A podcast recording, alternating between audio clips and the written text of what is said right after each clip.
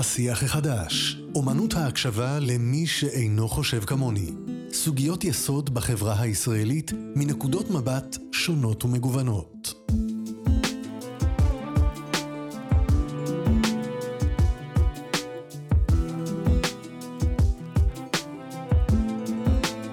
השיח החדש, חוקי הפורמט. השיח החדש הוא פורמט רדיופוני שנולד מתוך האמונה שיופיו של הפאזל הוא בריבוי גווניו, ומטרתו להתבונן על שאלות, דילמות וסוגיות שמעסיקות את כולנו מכיוונים רבים. ובעיקר, לייצר הקשבה אמיתית ופעילה, שדרכה נוכל ללמוד דברים חדשים ולחרוג מעצמנו ומהתפיסה ממנה הגענו. חשוב להדגיש, לכל תוכנית תהיה שאלת מחקר שתונח בפתיחה על השולחן.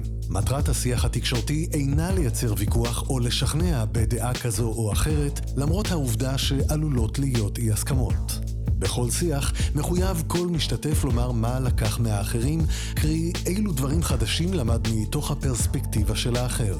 כל אדם שמציג עמדה או תפיסת עולם בפאנל ועושה זאת בווליום נעים, בנוכחות וברוגע וללא הפרעה מצד שאר המשתתפים. לבחירת המילים, לשפה ולהוויה, נוכחות וחשיבות מכרעת. השאיפה היא לנסות למצוא נקודות משותפות והסכמות.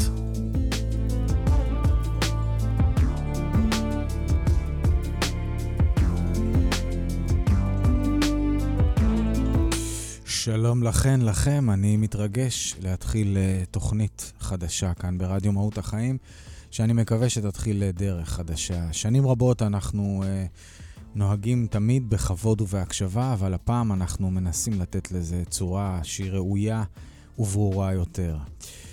יש לנו נטייה כבני אדם לחשוב שאם אנחנו נגיב ואם נענה מתוך האוטומטים שלנו, אם נתווכח, אם נביע את דעתנו, אז אולי זה יפתור דברים. אה, אם אנחנו מתבוננים על השנים האחרונות, לא תמיד זה מה שקורה. זאת אומרת, לעתים אנחנו נוכחים לראות שהתהומות דווקא מעמיקים בסיטואציה הזאת. ולמה זה?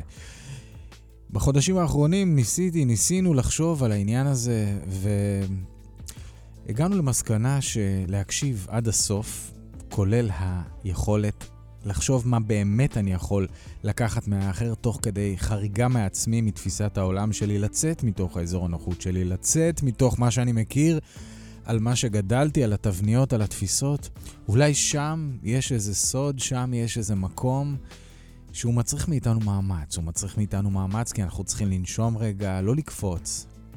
לתת לאש, לאש שבוערת בנו, ודרכה אנחנו רוצים לענות ולהתייחס, לתת לאש הזאת רגע להיות בפנים ולספוג, לספוג מבחוץ, להקשיב עד הסוף. אני בטוח שלכולנו זה לא קל בחברה שרגילה לוויכוחים, בחברה שבה רוב השיח התקשורתי הוא שיח, אה, אני לא רוצה להישמע שיפוטי, אבל הוא מגיע לגבהים שלא תמיד משרתים אותנו בסופו של דבר כחברה שרוצה לקדם ולפתור דברים.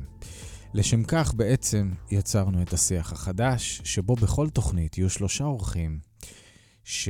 אה, יתייחסו לשאלה אחת שתהיה על השולחן, מגוונים שונים, מצבעים שונים, וינסו לראות אם אפשר באמת להקשיב, אם אפשר אה, באמת לקחת משהו ולמצוא מרחבי הסכמה. השיח החדש ברדיו מהות החיים יוצא לדרך.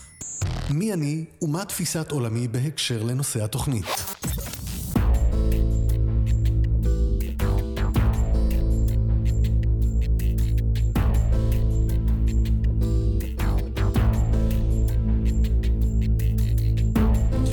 אז uh, שלום לאורחים שלנו, לכל אחד יש מיקרופון ביד. אה, הילל חאג' יחיא, אהלן. רגע, אני אגביר אותך, אני אגביר אותך, דבר שוב. נעים מאוד, בוקר טוב. זהו, דברו קרוב למיקרופון, אל תחששו. ישראל טל, שלום ישראל. שלום וברכה, בוקר טוב לך ולכל המאזינים. ולצופים, אנחנו גם בפייסבוק, לייב וידאו. וזה הזמן, אה, אני אגיד תודות בהמשך לחבר'ה שעוזרים אה, לנו לעשות את השידור היפה הזה, וג'ליל דביט. בוקר טוב, בוקר ג'ליל. טוב. תראו, אה, נבחרתם לפאנל מתוך זהות. מתוך זהות אנחנו יוצאים למהות. לכל אחד כאן יש זהות אחרת, אוקיי, דת אחרת, מקום אחר, תפקיד אחר. ואנחנו ננסה להגיע לשיח שמסתכל על נקודות משותפות, מוצא מקומות משותפים, אבל גם מסתכל האמת בלבן של העין עד הסוף. לא הייתי רוצה בשיחה הזאת קלישאות ברשותכם, לא הייתי רוצה פוליטיקות, לא הייתי רוצה מילים יפות. אני רוצה מילים של אמת. יש שיר של לאו צה שאומר, דברי אמת אינם יפים, דברים יפים אינם אמת. אז אנחנו רוצים לעשות מציאות יותר טובה לכולנו, אבל להתחיל ממה שיש. אז בהתחלה הייתי רוצה שכל אחד יציג את עצמו. מי הוא, מה הוא, קצת אה, סטטוס וגם מה הוא עושה בסבב. והשאלה שאנחנו נשים על השולחן ונתייחס אליה עוד מעט, היא איך בעצם, בסופו של דבר, משפרים את החיים שלנו כאן ביחד, אבל לא, אני לא רוצה להשתמש, להשתמש במושגים קלישאיים כדו-קיום, אלא איך יוצרים כאן שותפות אמת בסופו של יום על האדמה הזאת. ואני חזרתי על המילה אמת, כנראה שלא סתם. הילל, תתחיל, תציג לנו את עצמך. Okay. אוקיי. קודם כל, נעים מאוד. קוראים לי אני מנהל תחום החברה הערבית בעמותת רוח טובה מקרן אריסון. זו כבר השנה התשיעית שלי בתפקיד. אה, התחלתי כאן, כ... בעיקר עבדנו על יום מעשים טובים והתנדבות במשך השנה. אנחנו היום אה, ארגון שפועל בכל רחבי החברה הערבית. לרבות כל כפר בדואי לא מוכר. אנחנו פועלים באופן נרחב גם בערים המעורבות. יש לנו אה, עשרות אה, אה, פרויקטים ויוזמות שנתיות. עובדים מול כל רשות מקומית, גם כאלו יישובים בחברה הערבית שהם לא תחת מועצה אזורית ערבית.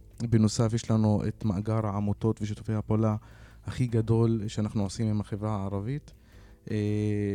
פועלים באמת בהרבה מאוד מישורים, גם התנדבות רגילה, גם יוזמות עסקיות, גם פעילות למען, לבעל, למען אנשים עם זכויות מיוחדות, שזה אה, בעלי צרכים מיוחדים, ובאמת, זה לא המקום לדבר על מה שאנחנו עושים, אבל אנחנו עובדים אז, אז בוא רק נחזור כן. שנייה אליך, עוד ניגע בתפקיד שלך גם בתוכניות נוספות, בשאלות שקשורות בזה. סלח לי שאני יוצא קצת מזהות, ערבי, מוסלמי, תושב טייבה, נשוי, אב ל... ילדה, סול. אב לסול? סול. נשוי ל... הנה. הנה. אמ, וקצת אה, עליך בתור אדם שמתעסק, עוסק במה שהוא אוהב ומאמין בו, נכון? כן. קצת על האני מאמין שלך. אה, תראה, אה, קודם כל, בכל השנים שלי כאן, וגם, כלומר, אחד הדברים שלמדתי להכיר זה שפוליטיקה הורסת את הכל. אה, אם אתה נכנס לפוליטיקה, אתה הורס דברים שאתה בונה. אה, ההסתכלות שלי על החיים כאן המשותפים בין ערבים לבין יהודים היא... אני לא מאמין שיש שמאל וימין, אני לא מאמין באג'נדות האלו. אני מאמין זה שפשוט מאוד להיות בן אדם, אה, בן אנוש. כלומר, להסתכל על, על כל דבר כזה או אחר, על כל בן אדם, לא חשוב מה הדת שלו, כבן אדם. אם אתה תתחיל לשפוט סיטואציות אה, מנקודת מבט של בן אנוש, אתה יכול לקבל החלטות שונות לגמרי מהסתכלות על דברים בתור פוליטיקאי. אה, ובתחילת הדברים שאמרת, אתה אמרת לא רוצים לדבר על קלישאות. אני חושב שאחת הבעיות הכי גדולות היום בחיים, במיוחד בין ערבים ויהודים, זה העניין של להשתמש בקלישאות משני הצדדים. אה, אני רוצה לתת דוגמה למשהו מאוד פשוט. אה, לפני שהתחילה התוכנית דיברנו כאן על ככה כמה משפטים על שיח ולדבר. לפני שמונה שנים או תשע שנים אה, הבמאי שאני מאוד מעריך, דרור מורה, פרסם סרט שהפך לסדרה בשם שומרי הסף. שזה ראיון עם חמשת או ששת ראשי השב"כ mm-hmm. שבין החיים על הסכסוך הפלסטיני-ישראלי.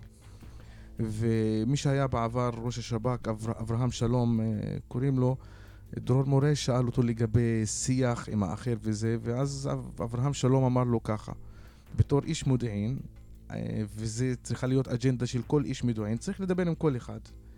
אז אמר לו, עם מי לדבר? עם חמאס? אמר לו, כן, אפשר לדבר עם חמאס. אמר לו, עם אחמד א-נג'אד, שאז היה נשיא איראן? אמר לו, כן, גם איתו.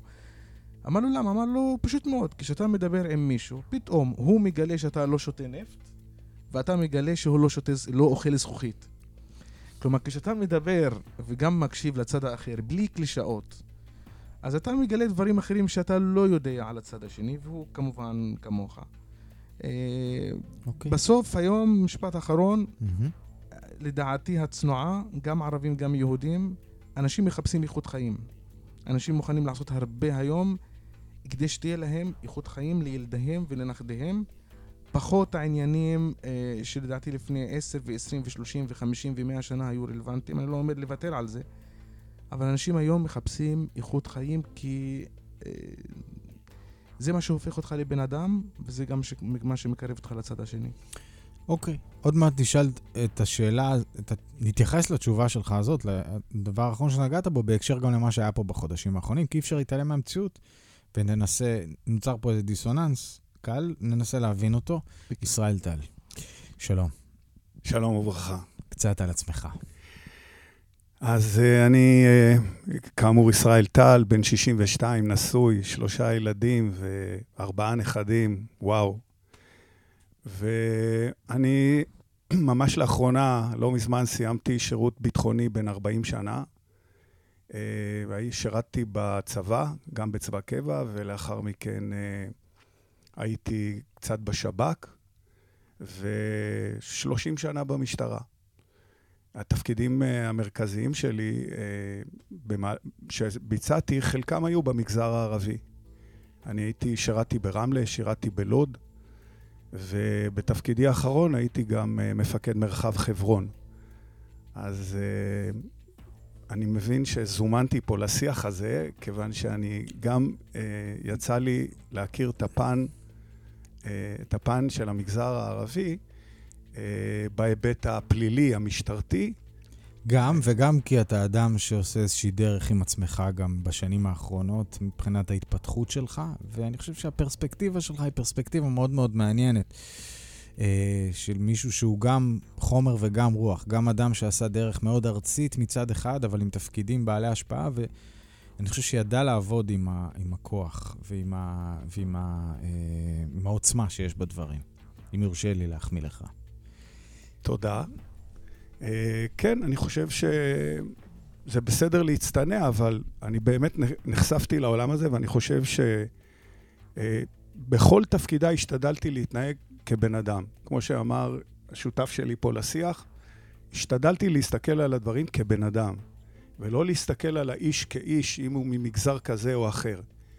אם הוא בן אדם ראוי, אם הוא שומר על החוק כמו שצריך, הוא לא שונה ממני בשום דבר.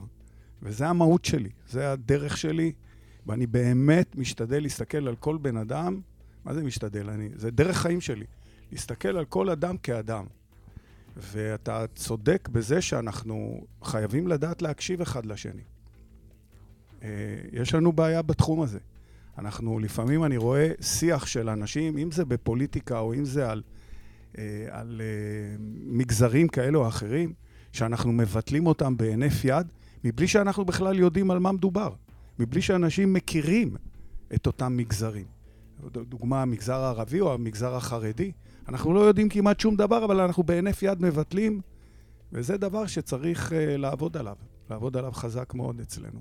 יצאנו לדרך כדי לעבוד עליו. ישראל, תודה רבה. Uh, ג'ליל, דביט. בוקר טוב, איזה כיף. Uh, קוראים לי ג'ליל, uh, ג'ליל דביט. אה, אני מרמלה, אה, נולדתי וגדלתי ברמלה. אה, אני מגיל 12 מתעסק ב... באוכל, יש לנו מסעדה ברמלה. אבא שלי, זיכרונו לברכה, הייתה לו מסעדה, ולסבא שלי, ואני כל החיים אה, חייתי בשני העולמות. גם בעולם הישראלי-יהודי, אה, וגם בעולם הערבי-פלסטיני. אה, בבית זה ערבי-פלסטיני, שאבא שלי ואימא שלי אה, גידלו אותי, אה, ואת כל התרבות הערבית, וגם פוליטית. ומצד שני, ההורים שלי בכיתה ג' נאלצו לשים אותי בבית ספר עברי, ממלכתי, יהודי, ישראלי, את כל ההגדרות שאפשר להגדיר. אז הלכתי כל הזמן בין, ה, בין הטיפות של הזה, של ה, בין היהודים והערבים. כל הזמן, ומגיל 18 אני מתעסק ביזמות אוכל ותרבות וחברה, אה, ומנסה אה, לשלב את שלושתם, וגם את הכיוון של התרבות והאומנות, גם עם היהודים וגם עם, הערבים, כי לדעתי זה מה שיכול לחבר בין כולם. אני לא מדבר איתך עכשיו על לבוא לאכול צלחת חומוס שיהודי בשולחן אחד וערבי בשולחן אחר. מבחינתי זה לא המהות. אבל ברגע שיושבים ושומעים מוזיקה, ואחרי המוזיקה יושבים ומנהלים דו-שיח, זה, זה המהות. וזה מה שקורה אצלי במסעדה, וזה גם מה ש... ברמלה. ואגב, זה מה שאנחנו עושים גם, לפני שמונה שנים הקמנו את אה, ברלין, בברלין את אה, כנען, מסעדה צמחונית אה, טבעונית, ישראלית-פלסטינאית עם שותף ישראלי-יהודי, ושמה, בניגוד לארץ, שאנחנו לא יכולים להביא את מה שאנחנו מביאים שם עדיין, בברלין עדיין הם, מקב... הם הרבה יותר מקבלים מכאן.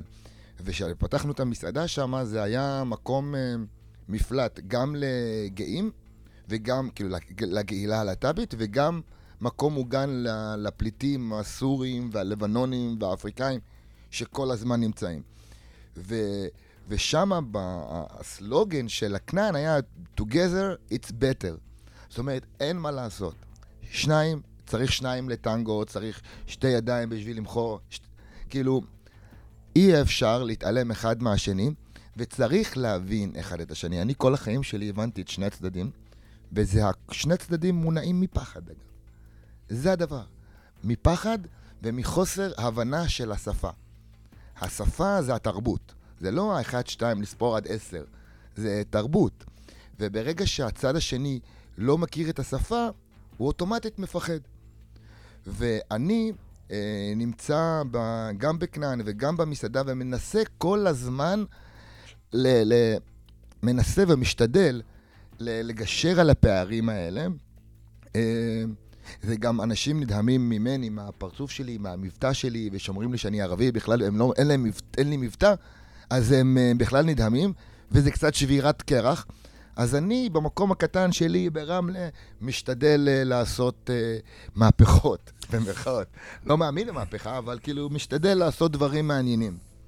חשוב לי רק להוסיף באלמנטים הזהותיים. אתה מרמלה שעיר מעורבת, אתה נוצרי, ערבי נוצרי. שמת שזה... לב שאני לא אמרתי נוצרי. כן, שמתי לב שזה גם, אגב, טרמינולוגיה שהתעסקתי, התעסקנו איתה בימים האחרונים. יש ערבי נוצרי, ערבי מוסלמי, ערבי, זה, זה דת או שזה אזור, אתה מבין ש... אתה מבין? זאת... ערביות ש... זה תרבות, אפשר בדיוק, ל... בדיוק, ערביות זה תרבות, זה, זה אזור, זה... זה, זה הרבה. ערב, כן, אוקיי. ו, וזה קצת, בשונה מיהודי, שזו דת, אוקיי? כשהיא מקבילה נגיד למוסלמי ונוצרי, אתה יכול להגיד יהודי, אתה מבין? לא תמיד הטרמינולוגיות שלנו הן מקבילות, לא, אבל לא בטוח שהן גם צריכות להיות. הטרמינולוגיה של היהדות, ואם נחזור קצת להיסטוריה, זה המדינה היא ישראל, והעם הוא יהודי, וזה משהו שה... לא השליטים, סליחה, המנהיגים לפני מאה שנה רצו לשלב את ההיסטוריה ולחבר את ההיסטוריה של העם היהודי mm-hmm. עם העכשווי. אז לכן קראו למדינה ישראל, כי יש שני, יש את יהודה ואת ישראל, נכון. והיהדות. וגם זה העם היחידי, אולי חוץ מהארמני, שיש, שהדת היא גם ההגדרה של הלאום. נכון. ופה הבעיה. הבעיה, סליחה, לא, לא בעיה, לא בעיה, לא, סליחה, לא, לא, זה, זה לא הבעיה, אלא... תקשיב, מותר לך להגיד בעיה, הכל בסדר. מאתגר. לא, לא, מעולה, הכל בסדר גם להגיד שזאת בעיה. זה גם מה שגורם אה, ליהודים לא להבין למה, איך זה יכול להיות שיש ערבי נוצרי וערבי מוסלמי. אז אתה רואה, לא סתם העליתי את זה, כן. כי זה, יש הרבה דברים שהם מבלבלים, וחלק מהרעיון פה גם קצת לעשות סדר. בפרספקטיבות, אגב, אפשר גם לחשוב אחרת כל אחד, וזה בסדר. הגדרות זה הרבה פעמים לא עניין מוחלט, זה עניין סובייקטיבי של איך שאתה תופס את המציאות. גם את זה אני מזכיר לכולנו כל הזמן לזכור. לאן שלא תסתכל, תראה את עצמך. המשקפיים שאנחנו הולכים איתם בעולם הם האופן שבו אנחנו רואים דברים. בואו נזכור את זה. ועכשיו, שאלת המחקר השבועית. אז השאלה שלנו, הפעם היא בעצם, כמו שאמרתי בפתיחה, אה, קצת, זה איך אנחנו חיים כאן אה, יותר טוב ביחד, אבל באמת ביחד. ולפני שאנחנו הולכים, מה שאולי נוכל למצוא, הייתי רוצה קודם כל שנבין קצת את התמונה. זאת אומרת, אנחנו... ג'ליל גדל ברמלה, ישראל, אתה גדלת ברחובות, בשנים האחרונות גדרה, תקן אותי אם אני טועה. אה, הילל, כל חייך בטייבה. יופי. כל אחד מאיתנו, אני גדלתי בקריית ים בילדותי, אחר כך זה, אבל כל אחד מאיתנו חווה את החברה הישראלית ממקום אחר. את ישראל ממקום אחר, פגש אנשים אחרים, צבעים אחרים. ואחר כך כשהתבגרנו, פגשנו עוד כל מיני צבעים וגוונים. ונדמה לי, נדמה לי שאם נסתכל עלינו כאן, רובנו חיינו בשלום עם שכנינו ועם אנשים לאורך רוב חיינו, נכון? אכן כן. עכשיו, בחודשים האחרונים קרו, קרו פה דברים ש, שטלטלו. עכשיו, זה לא פעם ראשונה, אבל היו פה דברים שחלקם קיצוניים. ורציתי רגע שננסה שנייה, אני מרגיש שכחברה יש הרבה בלבול, יש הרבה, אולי נהיה חוסר אמון, נהיה פחד. ג'ליל, נגעת בפחד. אז אמרתי, רגע, בוא נתחיל שנייה לראות מה קורה פה. ו... הילל, לך יש קצת אה, פרספקטיבה על מה שקרה פה בתקופה האחרונה. ובכלל, כן. ואולי משם נצא להבין את המפתחות אולי לשינוי, אה, דרך כל אחד מה שהוא יביא פה. איך אתה רואה את מה... אני הייתי שמח שכל אחד עכשיו יתייחס לאיך שהוא ראה את מה שקרה פה בחודשים האחרונים, בסדר? אה, ככה, אני פחות, הייתי פחות דרמטי אה, מהמראות המאוד קשים אה, שראו עיניי בתקו, ב, בחודש האחרון במבצע שומרי, הש, שומרי החומות. א', אה, אני, כלומר, בשונה מאירועי אוקטובר 2000, הפעם בחברה היהודית הייתה סוג של התגייסות אה, בחלקים ממנה כדי למנוע הסלמה עם החברה הערבית, כי פתאום מישהו כאן הבין שכל בעיה עם החברה הערבית אה, יהיה מה להפסיד לחברה היהודית, בשונה מלפני 20 שנה. כלומר, זה לא עניין רק העבודה המשותפת של החברה הערבית עם החברה היהודית, ולא רק אה, הרבה מאוד ערבים שנמצאים בכל מיני מחקרים בינלאומיים כנציגים של מדינת ישראל, ועוד הרבה מאוד סיבות שמישהו כאן הבין שכל אה, סכסוך או בעיה עם החברה הערבית, יש למדינת ישראל מה להפסיד. זה, זה דבר או שינוי שהוא אופטימי וטוב, זה א'. ב', אני לא התרגשתי, לא עניין שלא התרגשתי, אבל אה, זה אמרתי להרבה מאוד חברים שלי מהחברה היהודית. כשהיו בעיות ובהרבה אה, מעורבות, אני ראיתי תמונה שהיא שונה ממה שהציגו בטלוויזיה או אנשים רגילים ראו. בחברה הערבית, אם תיכנס, אם עכשיו תיכנס לכל יישוב בחברה הערבית, לא חשוב איזה יישוב, אתה תיכנס, סליחה על הביטוי, אתה תראה סוג של כאוס. אם ישראל היה שוטר, או שברמלה בטח ביקרת ביישובים אחרים, אתה תראה כאוס, מה, מה הכוונה? אתה תראה לכלוך בכבישים, אתה תראה חוסר סדר בתנועה, אתה תראה בן אדם כזה שם את כל הסחורה של החנות שלו על המדרכה, ההוא בנה בית אולי עוד מעט בתוך הכביש, אין סדר. כלומר, אין איכות חיים, כי אין אכיפה. אני עכשיו מדבר על המשטרה, כי הרשות המקומית הפכה להיות סוג של אה, אוהל של חמולה. החמולה X היא בשלטון, אז החמולה X דואגת בעיקר קודם, קודם כל למי שהצביעו להם מהחמולות הקטנות והחמולה הגדולה, אחר כך בואו נדאג לדברים האחרים. לפני החג, האחרון שהיה לנו חג אה, אה, אל-פיטר, אחרי רמדאן, היו מספר רשויות מקומיות שהעלו פוסטים בפייסבוק, זה היה באמת, כל בן אדם עם קצת אינטליגנציה בחברה הערבית היה צריך לבכות על מר גורלו. הודעה על כך שהעירייה או המועצה מודיעה שהנה, אנחנו אה, עושים ניקיון לקראת החג. עכשיו, זה היה עצוב, כי בסרטים מצריים תמיד יש את הבדיחה, אה, מישהו אחד אומר לשני, איפה היית? אמר, לא, התקלחתי. אמר, מה התקלחת? החג עוד לא הגיע. נכון? יש את הבדיחה הזו. כלומר, אתה, אתה רואה מה רף הציפיות, כן? אה, של מועצה ושל רשות. עכשיו, לגבי כל מה שקרה, כל זה כמובן, חוסר אכיפה וחוסר וחוסר טיפול בהרבה מאוד אוכלוסיות מאוד מוחלשות, הוביל אוכלוסייה מאוד ספציפית בחברה הערבית, כמעט בכל יישוב. צעירים, אוקיי? צעירים, בלי... אה, חסרי תרבות, מבתים הרוסים, ממשפחות שמוכרות לרווחה אבל לא מטופלות באופן די טוב.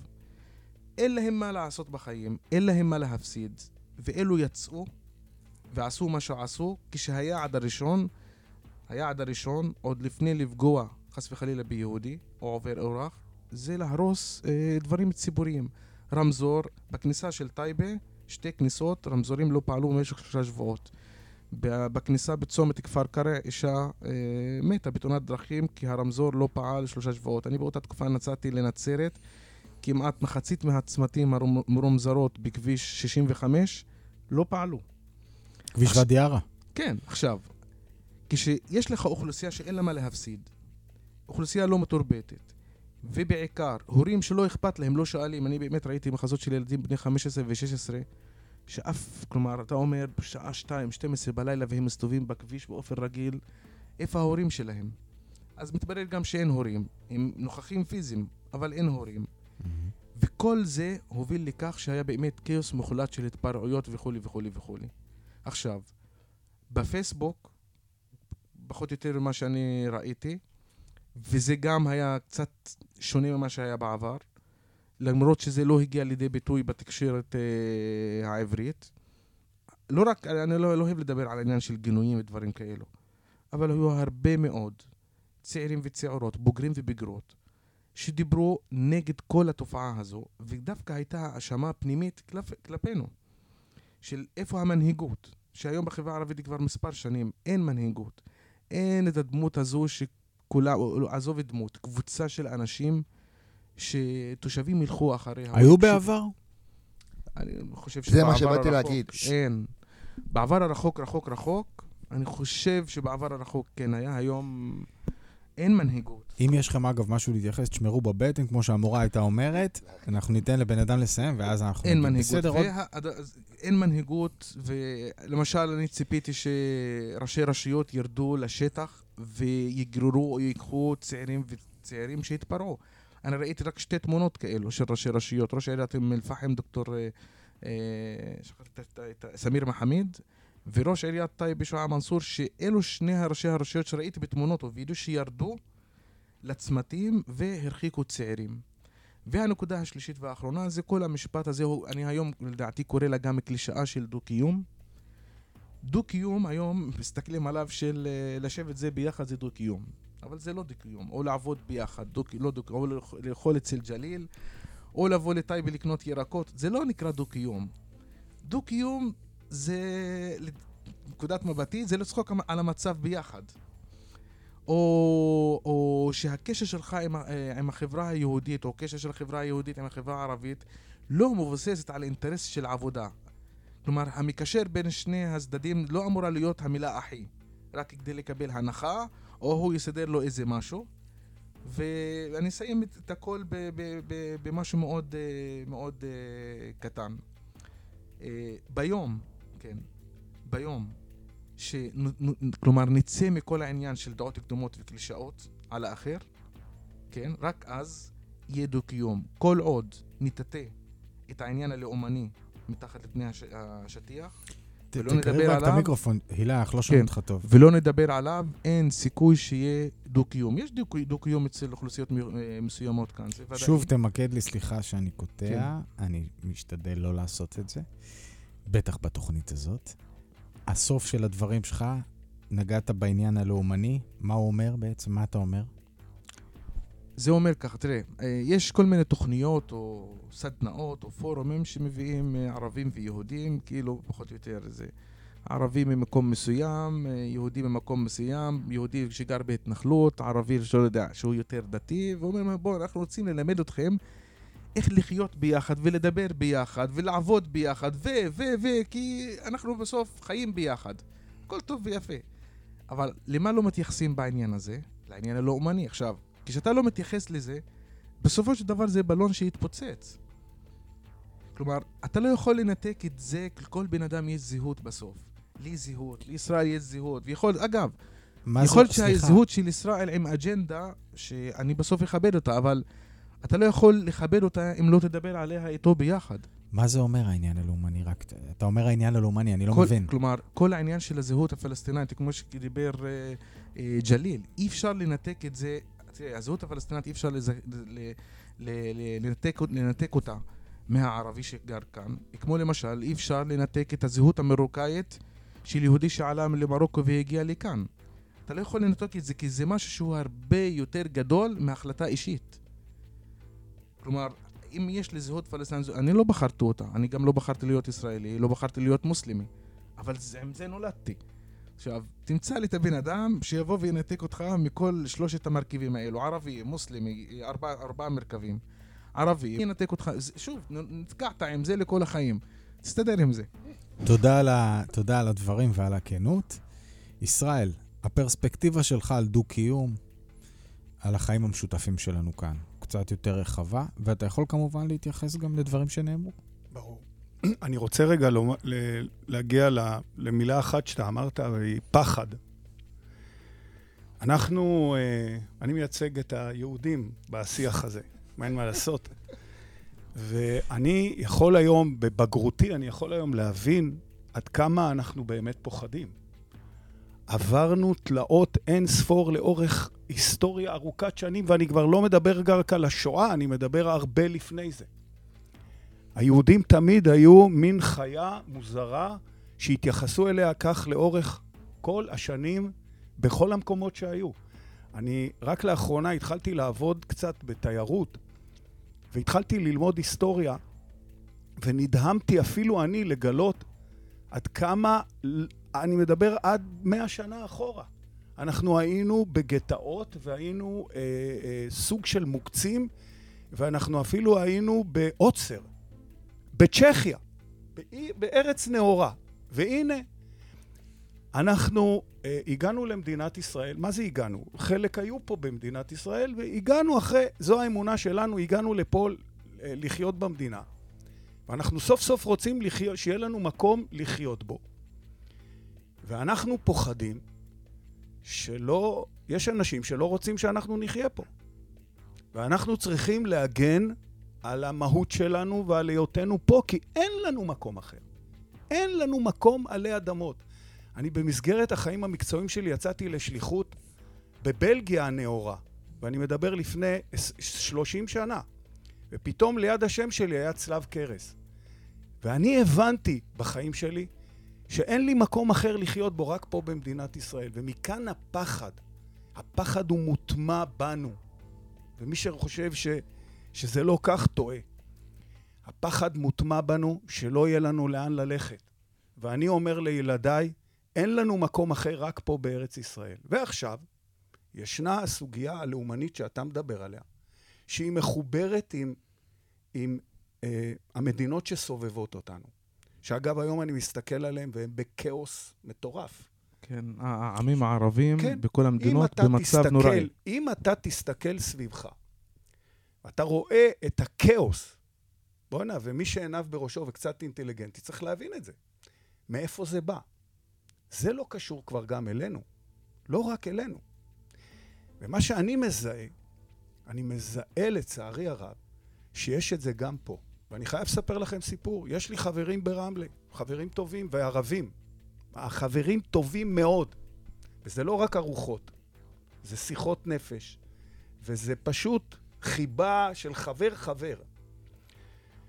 ויום אחד אני יושב עם חבר כזה לארוחה, והבן שלו, שגידלתי אותו, יחד, פתאום הוא עם כיפה לבנה, התקרב לדת, ופתאום ראיתי את השנאה שלו בעיניים, שאני שאלתי אותו שאלה על דאעש. ראיתי את השנאה שלו בעיניים, והוא אמר לי משפט שאותי צמרר. הוא אמר לי, דאעש זו המצאה סעודית יהודית. שמע, מה שאני בא ואומר, אני בא ואומר, אנחנו חייבים ללמוד לחיות ביחד. אני גם בבגרותי מבין שהערבים, המגזר הערבי הוא חלק מאיתנו. אין מה לעשות. וזה בסדר, כי יש, אני אומר לך, אני שופט אדם כאדם, ויש אנשים פה מדהימים, מדהימים, חכמים, שהם נוטלים חלק בחברה. ולעומת זאת יש קיצוניים שזה פשוט, אנחנו חרדים. אנחנו חרדים. וראינו את זה עכשיו, ראינו את זה עכשיו בהתפרעויות האחרונות, ואני שואל אתכם שאלה, מה זה שונה מ-1929, מאורעות תרפ"ט בחברון? חברון אז לא הייתה נשלטת בידי יהודים. היה שם בית, בית חולים, בית חולים, ש, אה, אה, כרם, אה, שכחתי את שמו כרגע, הדסה עין כרם, שטיפל ביהודים וערבים כמו כולם, ופתאום, ב, ברגע של אה, כאוס, רצחו שם את היהודים, העיפו אותם משם, שרפו את הבית כנסת, וזה החזיר אותי, אמרתי לעצמי, וואו, אם לא היינו חיים פה עכשיו במדינה שיש בה בכל זאת, אנחנו, אנחנו מדינה חזקה, אנחנו מדינה מתפתחת. אם לא היינו חיים פה, אני לא יודע איפה היינו, איפה היינו, איפה היינו צריכים לברוח. מלוד, מרמלה, מעכו, מכל המקומות האלה. וזו האמת. אסור לנו לתת לקיצוניים משני הצדדים להשתלט לנו על החיים. ואנחנו חייבים להבין, כשאנחנו אנשים בכל זאת קצת אינטליגנטים, להבין שיש דרך, וזה לא חד. והאמון צריך להיבנות נדבך אחרי נדבך אחרי נדבך. אני היום מאמין בך באמונה שלמה. אני אומר לך, אני לא רואה אותך שונה ממני בשום דבר, וגם לא אותך שונה ממני בשום דבר. אני רואה אותך כבן אדם אינטליגנט שרוצה לחיות חיים שלווים. אבל אם אתה רוצה לחיות חיים שלווים, ואני רוצה לחיות חיים שלווים, אסור לתת לקיצוניים להרים את הראש. ואני רוצה לחזור ולומר לך, חינוך הוא נקודת מפתח. ולצערי הרב, אני לא מוצא הרבה שנותנים חינוך. אנחנו לא חיים בהרמוניה של החינוך ביחד. כי כל אחד מושך לכיוון שלו, וזאת תקלה. וזאת צריכה להיות מדיניות שאפילו, אני אומר, צריך לאכוף אותה. אין מה לעשות. חיים פה במדינה, אנחנו רוצים לחיות בשלווה, אנחנו רוצים שתהיה לנו פרנסה, אנחנו חייבים לטפל בנקודות האלה ולטפל בהן ללא פשרות וללא נאיביות. אין נאיביות בעניין הזה. זו דעתי לאורך שנים של עבודה במגזר הערבי גם. תודה רבה ישראל, ג'ליל. וואו. אתה יכול להביא את משנתך וגם להתייחס לדברים שנאמרו, כן, אנחנו ניתן אה, לך לדבר עד הסוף. הקשבה מלאה. ככה, לא. מקודם הוא אמר על המנהיגים הערבים, שעכשיו אין מנהיגים ערבים, בגלל זה התפרצתי, אף פעם לא היו מנהיגים ערבים. כאילו שהנהיגו אותנו, ושרוב הערבים יסתכלו עליו ויגידו, וואלה, זה המנהיג שלנו. אף פעם, אני לא חושב, מ-48 ועד עכשיו, אף פעם לא היה איזה... לא, חוץ ממנהיגים פוליטיים, אתה יודע, אבל זה לא נקרא מנהיג שאתה מסתכל עליו אוקיי. ואתה נושא עיניך אליו. אה, אני, אה, כמו שציינתי מקודם, אני... אני כל, ה, כל החיים שלי גדלתי עם יהודים ו, וגדלתי ולמדתי בבתי ספר, בבתי ספר עברי, והבלגן שהיה לפני חודש, זה היה ממש מתחת לבית שלי. אה, אני גר בבניין של 18 קומות, וזה ממש, הבניין הוא על הגבול, במרכאות, בין השכונות היהודיות לבין השכונות, ה... לבין הגטו. שאגב, ברמלה יש גטו, אם אתה זוכר את ה... זה. גטו, את הגטו. מילה שנכנסת ל... שנכנסה ללקסיקון הרמלאי. וזה עיר העתיקה, זה לא עיר העתיקה, אלא זו עיר שנמצאים שם רוב הערבים כרגע. אה, וביום הראשון של הבלגן שהתחיל, זה בדיוק כמו שהוא אמר. זה קומץ של ילדים שבמשך כל תקופת הרמדאן גם היו נפצים והיו זיקוקים, כי אין להם מה לעשות. ו- ושנה לפני זה זה היה קורונה, ולא יצאו ולא כלום. ובלי קשר לזה, זו שכונה מאוד קשה. ובלי קשר לזה, אין חינוך טוב. ובלי קשר לזה, אין תשתיות טובות. ובלי קשר לזה, ובלי קשר, ובלי קשר, ובלי קשר, אז זה פשוט התפוצץ. וזה יצא מין, מין, מין מצב כזה, שכל עיר ועיר, אגב, זה התפוצץ בגלל משהו אחר. כי בלוד זה התפוצץ בגלל ה... הכל טענות, כן? עדיין לא מוגדר כאיזה משהו הגדרה למה זה התפוצץ, אבל זה התפוצץ. אה, בלוד זה משהו אחר, ברמלה זה התפוצץ, ותוך יומיים, שלושה, ראש העיר וה, והחברה, והחברה, וחברי המועצה ניסו להשתיק את הדברים, לא להשתיק, אלא להרגיע את הדברים, והם כן הצליחו להרגיע. אה, ובטייבה זה משהו אחר, ובצפון זה משהו אחר, ובעכו זה משהו אחר, וביפו זה משהו אחר. אבל מה שמקשר את כולם זה שהערבים מרגישים נחותים. אנחנו, כדור צעיר שבא, שעושה את הפרעות, מרגיש שהוא לא מקבל את מה שמגיע לו. אה, שהוא לא אה, מקבל את החינוך הטוב, שהוא גם לא יודע בכלל שמה שהוא עושה הוא לא נכון. מבחינתו זה נורמטיבי ששורפים צמיג. אז הפעם, סבבה, זה על אקסא? אז סבבה, אז נסייע על אקסא. מחר זה יהיה בשביל משהו אחר, זה בשביל מישהו אחר. זה לא היה מין איזה שטיפת מוח של האנשים במשך חודשים וכולי וכולי וכולי. ופה, הנקודה הזאת, מדינת ישראל צריכה להבין, אוקיי, זה, אחרי 73 שנה, עדיין הערבים רוצים, אה, הם מרגישים לא שייך, אז בוא, אולי כל מה שעשינו עד עכשיו לא בסדר. בואו ננסה ולנסות ולשייך אותם.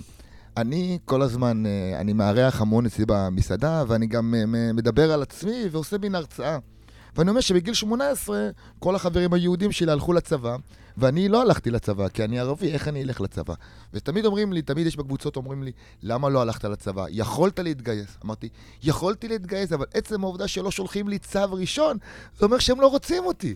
אז למה שאני אנסה ולהתגייס למשהו שלא רוצים אותי? הם אפילו משנות החמישים, אחרי קום המדינה, חוץ מאת הבדואים ואת הדרוזים שהם גייסו, את הערבים הם לא גייסו. אתה יודע מה? לא היו חייבים לגייס אותם לצה"ל. יכלו לעשות להם שירות אה, אזרחי. יכלו לחשוב על משהו, לערב ולהכניס את הקהילה הערבית לתוך הקהילה הישראלית. אבל הם אף פעם לא עשו את זה. אל גיס חמישי. עכשיו, כשאתה מסתכל דורות על גבי דורות על אנשים שהם גיס חמישי, מתישהו הם ידעו שהם יחשבו שהם גיס חמישי, והם לא ירצו להיות חלק.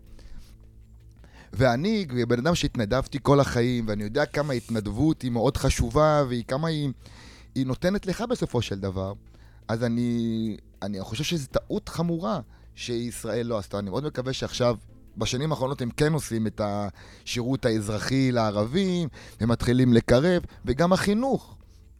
הוא לא, הוא לא היה טוב, לא מבחינת uh, תקציבים שהם קיבלו ולא שום דבר. ובכלל, מערכת החינוך, יש לנו ארבע מערכות חינוך בישראל. יש לנו מחנכת חינוך ערבית, מערכת חינוך חילונית, דתית-לאומית וחרדית. למה? למה לא... לח... אוקיי, לא אפשר, אי אפשר לשלב את כולם ביחד, אבל אם כבר עשיתם ארבע, אז תעשו עוד מערכת חינוך אחת שהיא דו-לשונית, שהיא תהיה לא רק יד ביד או איזו עמותה אחרת שעושה את הבתי ספר האלה, אלא שהמדינה עצמה מחליטה לעשות בית ספר שהוא דו-לשוני. ואז יהיה אפשר לראות כמה אנשים באמת מצטרפים לשם.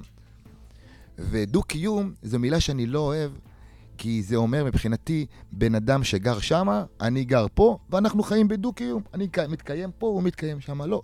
אני רוצה שותפות. אני רוצה שהילד שלי ילמד את השפה העברית, אני רוצה שהילד שלי ידע את ה... על הדת האסלאם, על הנצרות ועל היהדות. אותו דבר אני רוצה ש... שגם הבן של משה וגם הבן של מוחמד ידע את הכל. וברגע שהעסק כבר חוזר לפחד, זה הכל מונע מפחד.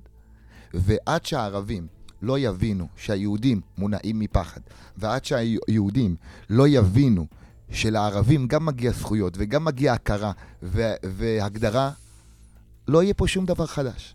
אני יכול, רוצה להתייחס ממש... אם ג'ליל סיים. כן, כן, אני... אוקיי. כן.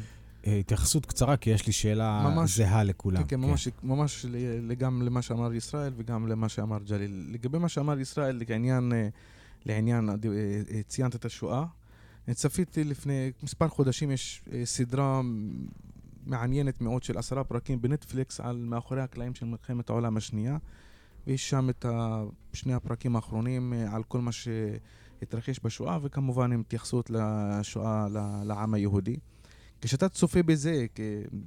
גם בוא נגיד, נניח, כבן אדם ניטרלי, אין, כלומר, אין דבר כזה שבמוח שלך אתה לא, לא, לא עניין של אמפתיה, כי אמפתיה מובנת של, מצד כל בן אנוש, אבל אתה מצליח להבין את העניין של הפחד.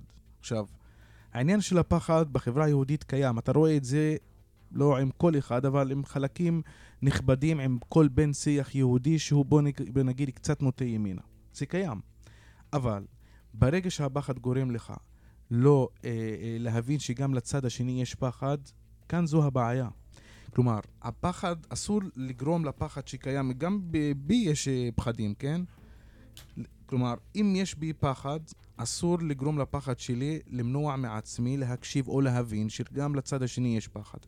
עכשיו, לגבי העניין של המחשבה שדאעש הוא נוצר על ידי אה, סעודיה וישראל, אני אגיד משהו. הוא, ככה הוא אמר. כן, כן. אתה יודע, אה, כמה אנשים אה, כסילים ו...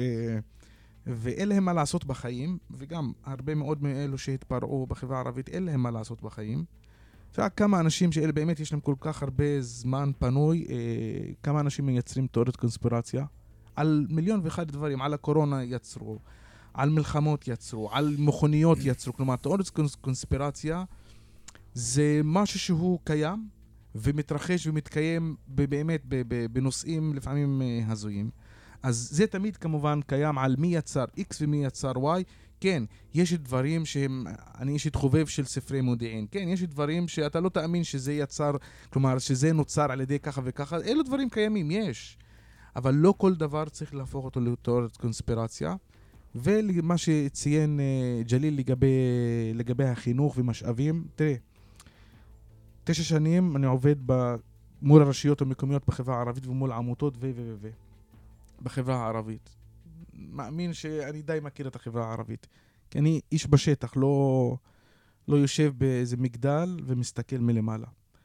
הדבר האחרון, עכשיו כשקמה ממשלה, מיד כשחתמו על ההסכמים, ישראל מגיע מהמשטרה, יכול להיות שהוא גם ייתן את דעתו לגבי הנושא הזה. מיד כשחתמו על הסכמים, באו מרע"מ ואמרו, אנחנו מביאים 50 מיליארד שקל. וההוא אמר, אה, אנחנו מביאים לחברה הערבית איקס כסף. הבעיה האחרונה של החברה הערבית זה כסף.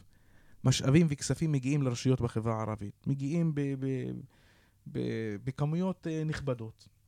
הבעיה האחרונה היא כסף ותקציבים, כי הבעיה הראשונה היא התנהלות ואנשים שינהלו דברים. יש יישובים בחברה הערבית, אם עכשיו תשים בהם 100 מיליון, 200 מיליון, 300 מיליון שקל, לא ישנו דבר וכהוא זה. כי למה? כי קודם כל, כדי לשנות את הדברים, אתה צריך אנשים עם איכות לנהל. אני מדבר על תעודת אנשים עם איכות שינהלו דברים בתוך הרשויות, ואנשים שיודעים איך לנהל דברים, אבל הדבר היותר חשוב, מה שאמרת בסוף, זה עניין החינוך עצמו. גם ישראל יתייחס לחינוך. צריך לעשות חינוך מחדש. אני לא מדבר על חינוך רק בית ספר, על התנהלות איכותית. אתה אמרת שאתה אה, גר ברמלה. אני אשאל אותך שאלה, אתה גר, בתם, אה, גר או חי ברמלה? שאלה טובה. אה, אני גר בטייבה, לא חי. שים את המיקרופון רק לג'ליל. אני גר ברמלה. גר ברמלה. אתה לא- לא אני- יכול לחיות ברמלה. לא, אני לא גם יכול. אני לא יכול לחיות בטייבה. ישראל גר ברחוב, ברחובות, בגדרה? בגדרה, אבל הוא חי בה גם. אה, ישראל. נהנה מאוד. ישראל. אני כל בוקר קם בבוקר ואני אומר, איזה באסה. כן. ברמה כזאת. כי אגיד לך משהו, אני כן. מקנא לפעמים, כשאני מגיע לתל אביב, או הרצליה, או הוד השרון, או רענן, או לא חשוב מה, ואתה רואה בעל ואישה, והילד או זוג ילדים, סתם יוצאים. ללכת, כן. אני, אני הדבר הראשון, אם אני אצא מהבית שלי ל- ל- ל- לרחוב, קודם כל לעבור את פח הזבל הראשון שעל המדריכה. ומשהו אחרון, על איכות חיים. לפני מספר חודשים, בתקופת הקורונה, הבת שלי אומרת לי, אבא, בא לי שתבוא, תיקח אותי מהגן ברגל, להחזיר אותה. המרחק של הגן מהבית אה, שלנו זה, אני חושב, עשר דקות הליכה. הלכתי ברגל, לקחתי את סול, מהגן עד הבית, אני חושב שלא הלכתי בגביעות על המדרכה יותר מ-30 שניות, כי כל הזמן צריך הייתי לרדת לכביש. או מכונית, או פח זבל, או זה בונה ששם את... אז לפני שאנחנו בוכים או מתקרבנים על המצב, צריך גם לשנות אצלנו בעניין ההתנהלות. החברה הערבית היא מלאה באנשים איכותיים. הרוב היא איכותי, הרוב הוא אה, אינטליגנטי, אבל יש שני קומץ ועוד קומץ. קומץ שהוא אין לו מה להפסיד אז הוא הורס כל חלקה, והקומץ השני זה הרשות המנהלת. אם זה לא ישתנה, שום דבר בחברה הערבית לא ישתנה. תודה רבה, הלל. שאלה קטנה, אבל לענות במשפט. כשחינכו אתכם בבית הספר, ברחובות, ברמלה, בטייבה, איך לדעתך, במשפט אבל, כי יש עוד כמה דברים להספיק, ואנחנו קוראים לסיום, איך אה, היהודי בשבילך, אתה יכול לצייר איך חינכו אותך? זאת אומרת, מה זה היה יהודי בשבילך? אתה לא גדלת עם יהודים בבית ספר, כי גדלת בטייבה. אתה לא ראית יהודים בילדות, כמעט. אולי קצת, פה, שם, כן? איך לפני שהתחלת להתערבב? אני חושב בבית ספר עד גיל 18, עד התיכון, אני לא חושב שהייתה, אני לא זוכר באמת שהייתה סוג של התייחסות ל... ליהודי. כלום. לא לטוב ולא לרע, אבל ידענו איפה אנחנו חיים, אוקיי. אבל בתקופתנו, משהו ממש במשפט, כי זה מאוד חשוב, זה יכול להסביר הרבה דברים. בתקופתי, אני חושב, נערים ונערות בחברה הערבית, כשהיו פוגשים יהודים מבני גילם, כן, הייתה אז, הייתה סוג של רגשי נחיתות כלפי הצד השני, כי הוא היה מתלבש יותר טוב, מדבר אנגלית רהוטה, נראה עם ההורים שלו, כלומר יוצאים ביחד לקניון וזה, כי אז המצב בחברה הערבית היה הרבה יותר נמוך מאשר היום. היום רוב הצעירים והצעירות הערבים מדברים אנגלית שוטפת, מתלבשים נהדר, ההורים גם משקיעים בגידול הילדים פי כמה מאשר לפני 20 שנה. אבל בבתי ספר אז באמת לא הייתה שום מעניין. התייחסות. מעניין, מעניין. אני קורא לזה ישראליזציה, אוקיי. והיא קיימת. איך, איך אתה... את- אה, ערבי, מה? אני מודה שגם, קודם כל באמת בחינוך, חיברו אותי לאהבת האדם, לאהבה של המדינה, לניקיון, לסדר. באמת, אני זוכר את זה, אני חושב שהיום אפילו זה חסר בחינוך. אני מודה שלא התייחסנו הרבה לעולם הערבי גם כן. לא התייחסנו. אבל אני מודה באותה נשימה שהיה סוג של פחד. כי בתקופתנו, בילדות, היה, היו מלחמות. ונגד מי זה המלחמות? נגד העולם הערבי. אז הפחד הוא, הוא, הוא נכנס בך, בין אם אתה רוצה או לא רוצה. כן. אוקיי, היא- תודה. ג'ליל, אתה גדלת אה, בית ספר אה, זה. ו- אז אני- אתה הכי מעורבב פה. אז אני הכי מעורב. אני באמת, לא, גם ההורים שלי, אבל כילד יהודי בשבילך לא זה... הסתכל... יהודי זה בן אדם שזה המדינה שלו, ואני כבן אדם צריך להילחם על הזכויות שלי. ככה זה היה המסר? כן, זה היה מגיל קטן. למרות שלמדת עם יהודים אין והכל. קשר, זה חינוך מהבית, שאתה רואה את זה, שזה מול עיניך, שאתה אתה, כואב לך לראות את ה... אני בכיתה ח', שאני עברתי בבית ספר עברי, היה לי, היה לי בבית ספר קרן קרב, שנחשפתי לתקשורת ולרדיו ולתיאטרון ולזה, ואשתי, שהיא למדה כרגע, שהיא לא, באותו גיל שלי, שהיא למדה בבית ספר ערבי פרטי של טרסנטה, לא קיבלה כלום. אז איך אני התפתחתי ואיך היא התפתחה? עזוב שהרבה יותר טובה ממני כרגע, כן? אבל בכללי... שתגיד אחרת. על כך בתוכנית אחרת. רגע, שנייה, אני חייב לשים איזה אות קטן, תהיו איתי, תהיו איתי. רגע. הקשבה פעילה, מה למדתי ומה לקחתי מהדוברים האחרים בשיח.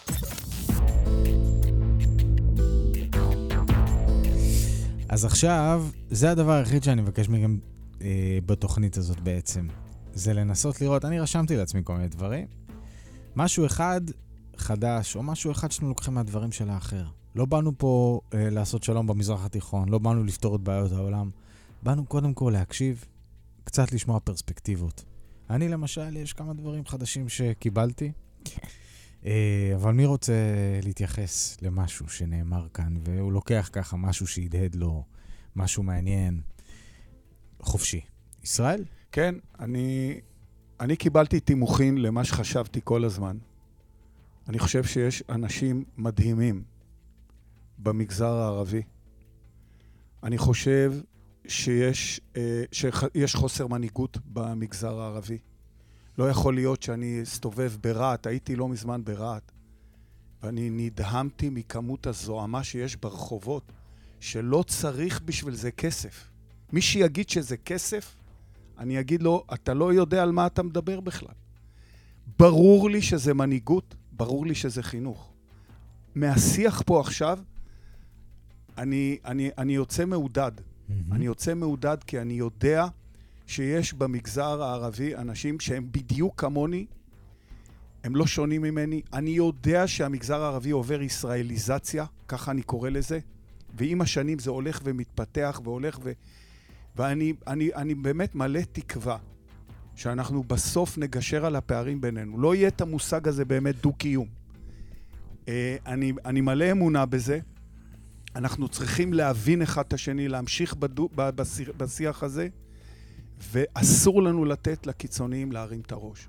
לא יכול להיות שיהיה אימאם בלוד שידבר כמו שהוא מדבר, ויוצאים משם אנשים, ורק בכל זאת להגיד לך, לך אה, אה, ידידי, שבאירועים האחרונים שהיו, אני חולק עליך שזה לא היו רק נערים שיש להם חוסר מס או משהו כזה, זה היה גם הרבה מעבר לזה, הרבה מעבר לזה.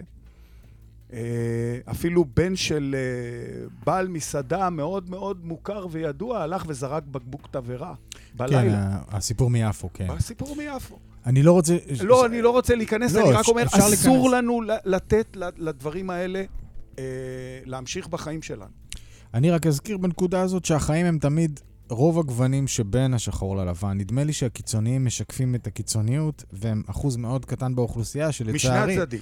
שלצערי נותנים להם משקל גדול גם בתקשורת, הרבה מעבר למציאות, ואז, ואז מייצרים תודעה הפוכה וכן משפיעים לרעה על המציאות.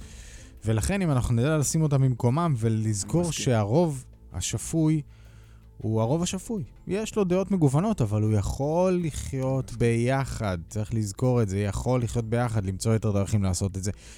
יש לנו ממש עוד דקה. לא, אני, אני, האמת, אה, כלומר, אה, מה שנאמר כאן על ידי ג'ליל וגם על ידי ישראל, דברים שכמובן אני מכיר, לא...